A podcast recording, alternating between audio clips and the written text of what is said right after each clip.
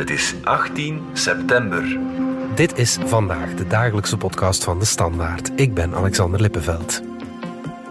Duitsland is de zieke man van Europa. Dat was zo eind jaren 90 en nu lijkt het weer zover. De economie krimpt, de inflatie stijgt en Duitsers geven geen geld meer uit. Investeerders gaan lopen en zelfs de auto-industrie krijgt klappen. Waar is het fout gelopen met Duitsland en is dat geen slecht nieuws voor ons?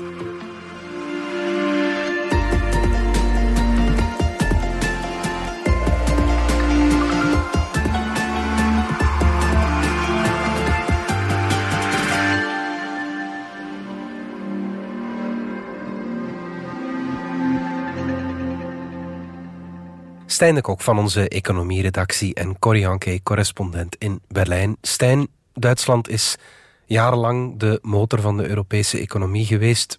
Maar het gaat er niet meer erg goed. Hè? Wel, zeker uh, op economisch vlak is het geen vetpot op dit moment voor de Duitsers.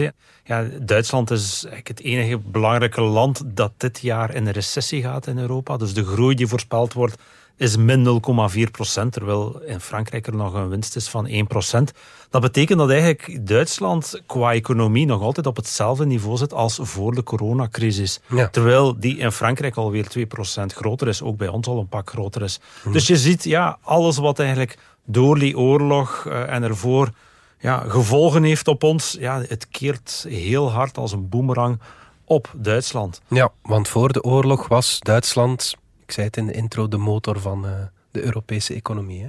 Ja, eigenlijk, volgens mij is Duitsland het enige land dat niet hersteld is na de coronacrisis, hè Stijn? Als je het gewoon meet, na BBP zitten zij nog altijd op hetzelfde niveau als van voor de crisis, doordat ze dit jaar weer aan het zakken zijn.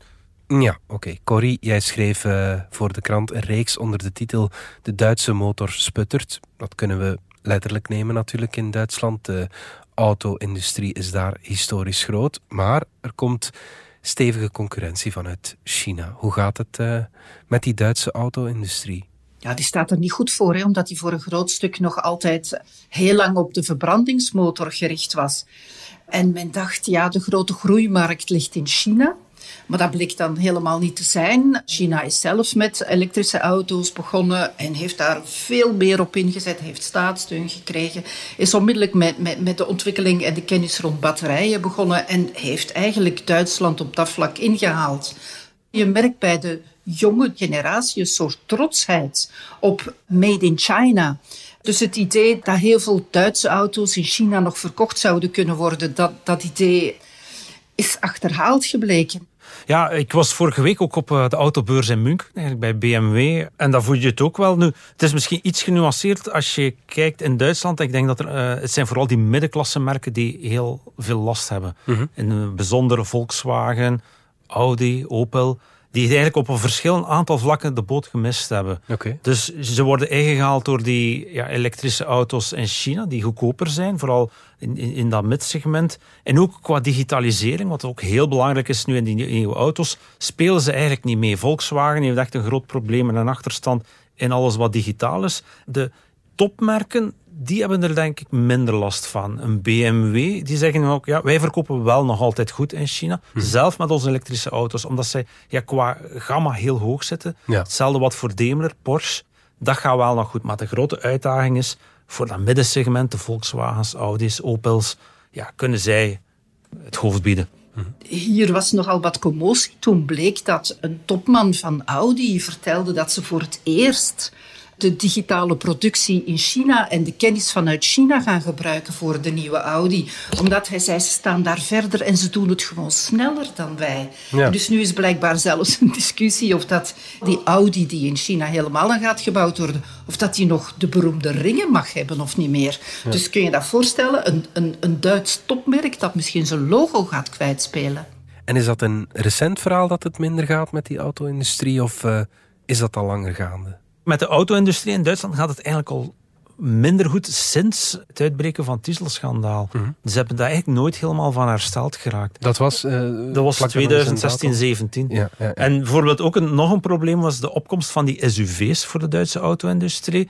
En dan zie je eigenlijk dat zelf van een belangrijke merken, die SUV's allemaal niet in Duitsland gemaakt worden. Mhm. Bijvoorbeeld bij BMW worden die in Amerika gemaakt. Voor Volkswagen worden die voor een groot stuk in Oost-Europa gemaakt. Dus ja, die, die Duitse auto-industrie zit eigenlijk al enkele jaren wat in het slop. En nu met die elektrificering, met die Chinese auto's die op de markt komen, wordt het eigenlijk allemaal heel duidelijk van oei, we zijn hier een boot aan het missen. Ja. En het is de grootste eh, en de belangrijkste sector nog altijd van het land. Kan je daar eens cijfers op uh, plakken? Wel, afgelopen week zijn ze eigenlijk naar de nummer drie van het aantal auto's die ze exporteren in de wereld gezakt. Ze waren nummer twee na Japan.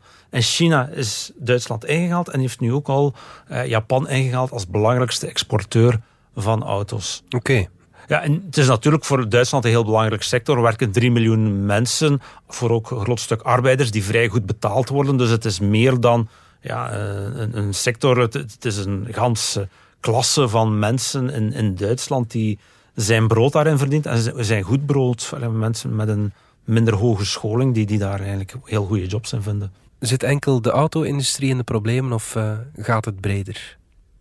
Ja, ik, ik denk dat het probleem van de Duitse industrie, van, eerst van de Duitse auto-industrie, maar misschien wel van een groot deel van de Duitse industrie, is dat zij veel te lang gedacht hebben van we halen het wel door onze producties te verfijnen, te verbeteren. Hè, de, de beroemde voorsprong door techniek. Terwijl dat zij heel weinig oog hadden voor de veranderingen in de markt, voor gevaren die van buitenaf komen, uitdagingen. Ik heb met een prof uh, daarover gebeld die jarenlang uh, Merkel daarover geadviseerd heeft. En, en blijkbaar zat zo die industrie een beetje in een, in een tunnel.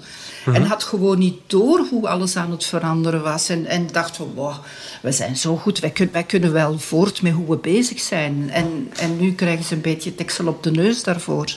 Mm -hmm. Duitsland heeft de trein gemist, hè, Stijn? Dat schreef jij ook. Ja, de Duitse auto-industrie dacht dat het nog altijd ging om nog mooiere leren zetels en nog een krachtigere benzinemotor.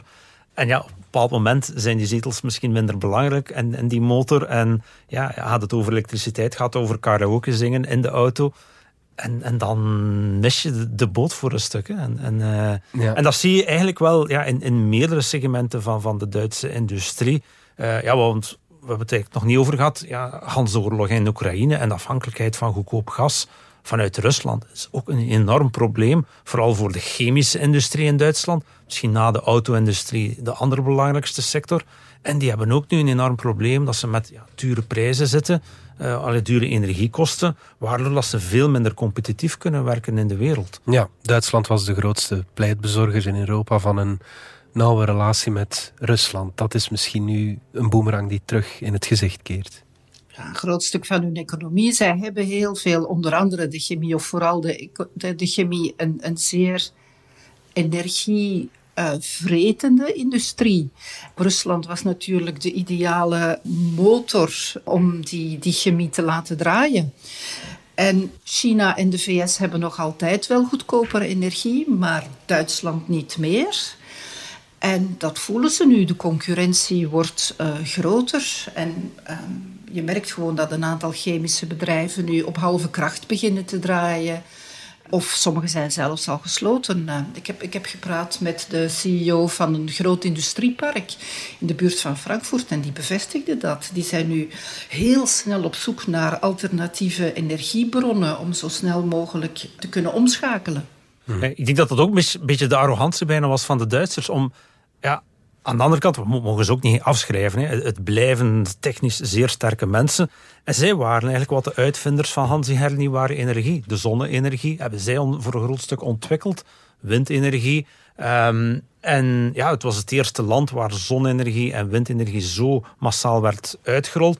Waardoor ze dachten dat ze echt een grote voorsprong hadden. Ook hun auto's waren veel energie-efficiënter dan bijvoorbeeld de Amerikaanse. Dus er was denk ik een soort idee in Duitsland van ja, wij zijn eigenlijk wel heel goed bezig. Wij zijn op die groene transitie de leider. En, en opeens ja, wordt men daar wat zelfgenoegzaam in en, en keert de situatie. En, en, en blijk je veel minder ver te staan dan dat je denkt. Net om, omdat je dacht dat je nummer één was. Ja, Stijn, je hebt gelijk. Ze waren inderdaad uh, toonaangevend in de beginnen op het gebied van zonne-energie. Ten tijde van Merkel, een aantal jaar geleden, werd daar vrij veel gesubsidieerd en steun gegeven aan bedrijven. Maar toen kwam daar Nord Stream 1 en toen heeft de Duitse regering beslist om die subsidies af te bouwen. En Scholz die blijft maar zeggen... Hij spreekt over het nieuwe Wirtschaftswunder. Dus uh, weer herreizen uit de as, zoals na de Tweede Wereldoorlog. Um, en, en hij verklaart, en ik heb hem een paar dagen geleden ook bezig gehoord, en dan verklaart hij, ja, we moeten inzetten op groene productie, groene energie en zo. Maar dan hoor je bedrijfsleiders die op hun honger blijven zitten, want op dit moment is Duitsland niet bijzonder gul met subsidies op dat vlak. Mm -hmm. Dus industrie moet het zelf doen. En ja, die zitten op dit moment in zwaar weer, vele van hen de uitbouw van dat, groene Wirtschaftswunder waar Scholz het over heeft, um, dat wordt natuurlijk ook een beetje stokken in de wielen gestoken door, door de Amerikanen, die op dit moment met hun Inflation Reduction Act heel veel subsidies en heel veel belastingkorting geven aan bedrijven die uh, mee willen werken aan een vergroening van de economie en die ook willen meewerken aan minder afhankelijk worden van China. Duitsland kan op dat vlak niet concurreren op dit moment met de VS. Ja, ik denk ook wat, wat, dat Duitsland ook nu wat een prijs betaalt voor een bepaald beleid, dat, dat dan ja, een stukje onder Merkel, maar vooral onder ja, Schauble, minister van Financiën, de Schwarze Nul, heel hard gefocust op ja, een begroting in evenwicht. Waardoor dat er weinig geïnvesteerd was, was een soort denken van ja, als we maar zorgen dat die staatsfinanciën mooi in orde zijn, veel beter dan de rest van Europa, dan is het wel heel goed voor Duitsland. Maar men heeft dan eigenlijk nagelaten om te investeren in het land. En is het Duitse beleid ook niet wat met ja, ergens handen en voeten gebonden aan die, aan die autolobby? Want uh, ik kan me voorstellen dat, dat je beslissing richting groene economie ook niet in de hand werkt. Ik denk dat, dat ze het altijd een beetje halfhartig doen. Hè? Als, je, als je daar ook komt in, in een land als Duitsland, dan vind ik dat ook heel dubbel. Van aan de ene kant zie je het wel dat het gebeurt. Je ziet het bijvoorbeeld in een stad als Freiburg. Uh, Freiburg geldt als een van de meest progressieve steden in Duitsland, bestuurd door de Groenen. Uh, gans de ruimtelijke planners van gans de wereld gingen gaan kijken naar hun ecowijken. Fantastisch mooi.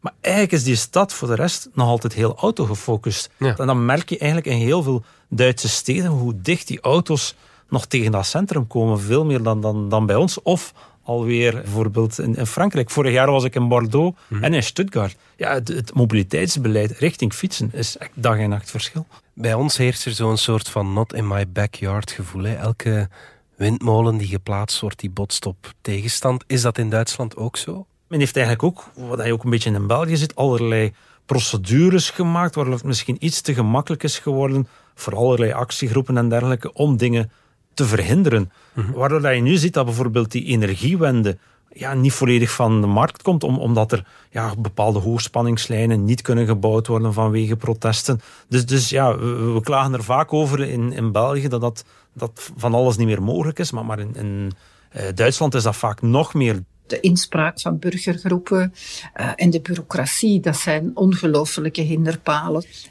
Ik heb met een, uh, een Nederlander gepraat die een, uh, een saladebedrijf in Duitsland wil oprichten. Die is al sinds 2015, probeert hij dat al. Die is nu aan zijn derde poging bezig.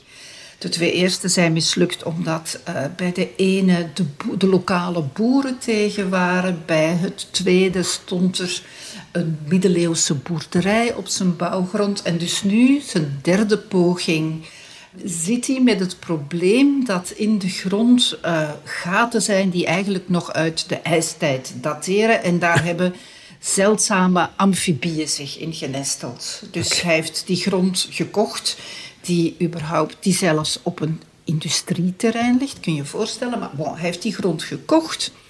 Uh, nu heeft de overheid beslist dat hij compensatiegrond moet kopen. En dus die Nederlander die betaalt zich blauw aan um, studiebureaus, aan uh, onderzoeken die dingen moeten uitwijzen. Hij zegt dat kost mij fortuinen, maar bon, hij vindt dat niet het ergste, want hij wil, hij wil gewoon heel graag hier komen, komen uh, investeren en, en, en salade produceren.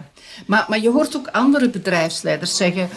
ja, de bureaucratie, dat is zo'n rem op ons, ons werk. En, en dat draagt ertoe bij dat Duitsland ondertussen als standplaats, met alles wat we ondertussen hebben opgesomd, voor veel bedrijven niet meer zo, uh, zo, zo fijn is. Omdat uh, hmm. de bureaucratie en de vergunningen, dat vreet tijd. Hmm. Het duurt allemaal enorm lang. Straks steken we even de grens over, maar eerst gaan we er even uit voor reclame. Stop. Wie zit er nog met vragen? Vragen als elektrisch laden, hoe doe ik dat eenvoudig? Slim? Voordelig? Ontdek al onze laadoplossingen op maat. Want bij Engie willen we dat iedereen mee is. Engie, al onze energie gaat naar jou. Stijn, in Duitsland gaat het dus uh, economisch niet echt goed, maar in Frankrijk, daar gaat het wel goed, hè? Wel, het lijkt een beetje op dat alles wat uh, Duitsland gedaan heeft, heeft Frankrijk de laatste jaren omgekeerd gedaan. En dat eigenlijk, ja, een beetje bijna bij toeval, Frankrijk daar nu wat van profiteert. Dus zij hebben de kerncentrales opengehouden. Mm Dus zij hebben veel minder een energieprobleem. Uh, ze kunnen elektriciteit goedkoop aanbieden aan hun bedrijven. Ze hebben veel meer de, het idee van, ja, ze zijn blijven investeren in hun infrastructuur.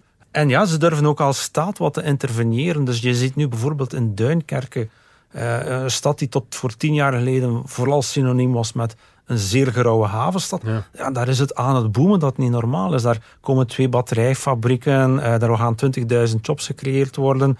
Uh, dus Hans aan noorden van Frankrijk, dat begint terug wat herop te leven door, wat ook gezegd wordt, een Macron die daar wel volop inzet, die herindustrialisering van Frankrijk. En dat lijkt wel ja, op dit moment dat te werken. Ja, ja, ja. Wat voel je nu in Duitsland, uh, Corrie, van die mindere economie of die, die, die afremmende economie? De mensen in de horeca en, en de winkels die klagen wel, omdat uh, de inflatie hier vrij hoog is. De lonen zijn niet gekoppeld aan de inflatie en het zijn hier vooral uh, de voedingsmiddelen die sterk in prijs gestegen zijn.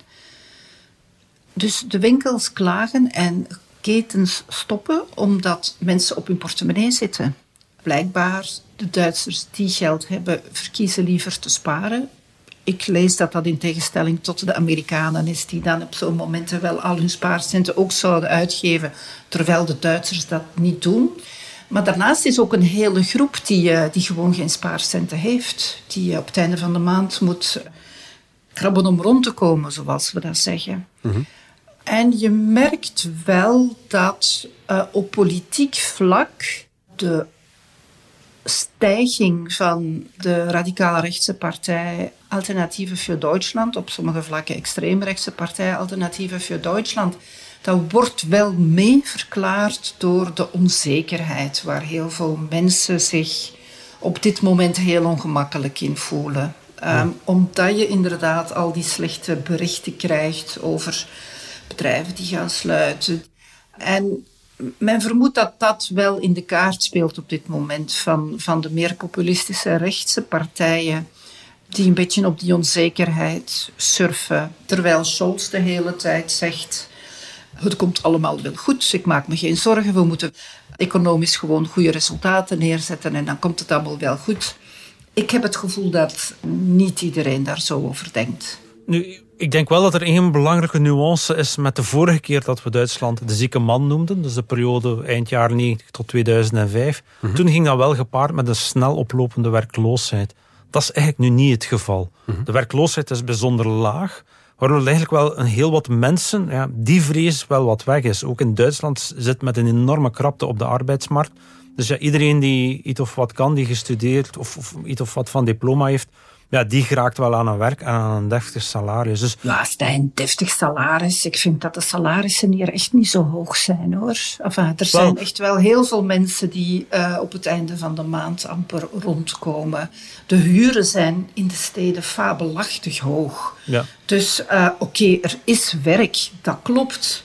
Maar echt rijk worden veel mensen hier niet meer. Dat is, in de, dat is al in de toplaag. Hè? Wel, dat is natuurlijk wat je wel hebt. Het is typisch Duitsland wij hebben automatische indexering, zij niet. Mhm. En die loonsverhoging die komen er wel, maar dat gaat in stappen. En Duitsland heeft een veel grotere onderlaag van werkende armen uh, of, um, dan bij ons, omdat die minder goed beschermd zijn. En die voelen het wel.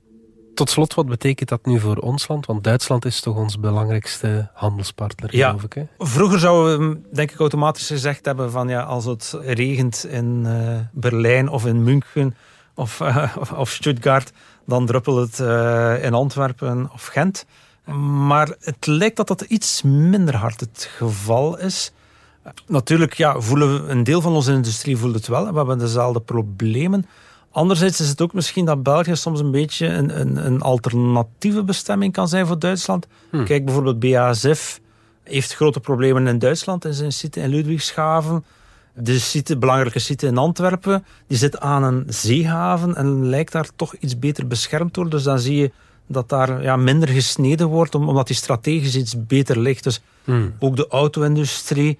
De, de twee blijvers in België zijn dan Volvo, die dan eigenlijk ook wel goed draait. En, en Audi, die dan eigenlijk ook een, een niche eh, product maakt. Dus ik denk dat die afhankelijkheid ietsje verkleind is met het ver- tegenover het verleden. Ja, oké. Maar we zullen het voelen. Ja, dat eh, wel. Goed, Stijn de Kok en Corrie Anke, dank jullie wel. Graag gedaan. Graag gedaan. Dag. Dit was vandaag de dagelijkse podcast van de Standaard. Bedankt voor het luisteren. Volg ons op Spotify, Apple Podcast of eender welk ander podcastplatform. Of download de vernieuwde app DS Podcast, waar je ons werk en de beste luistertips van onze redactie terugvindt. Alle credits van de podcast die je net hoorde, vind je op standaard.be-podcast. Reageren kan via podcast.standaard.be.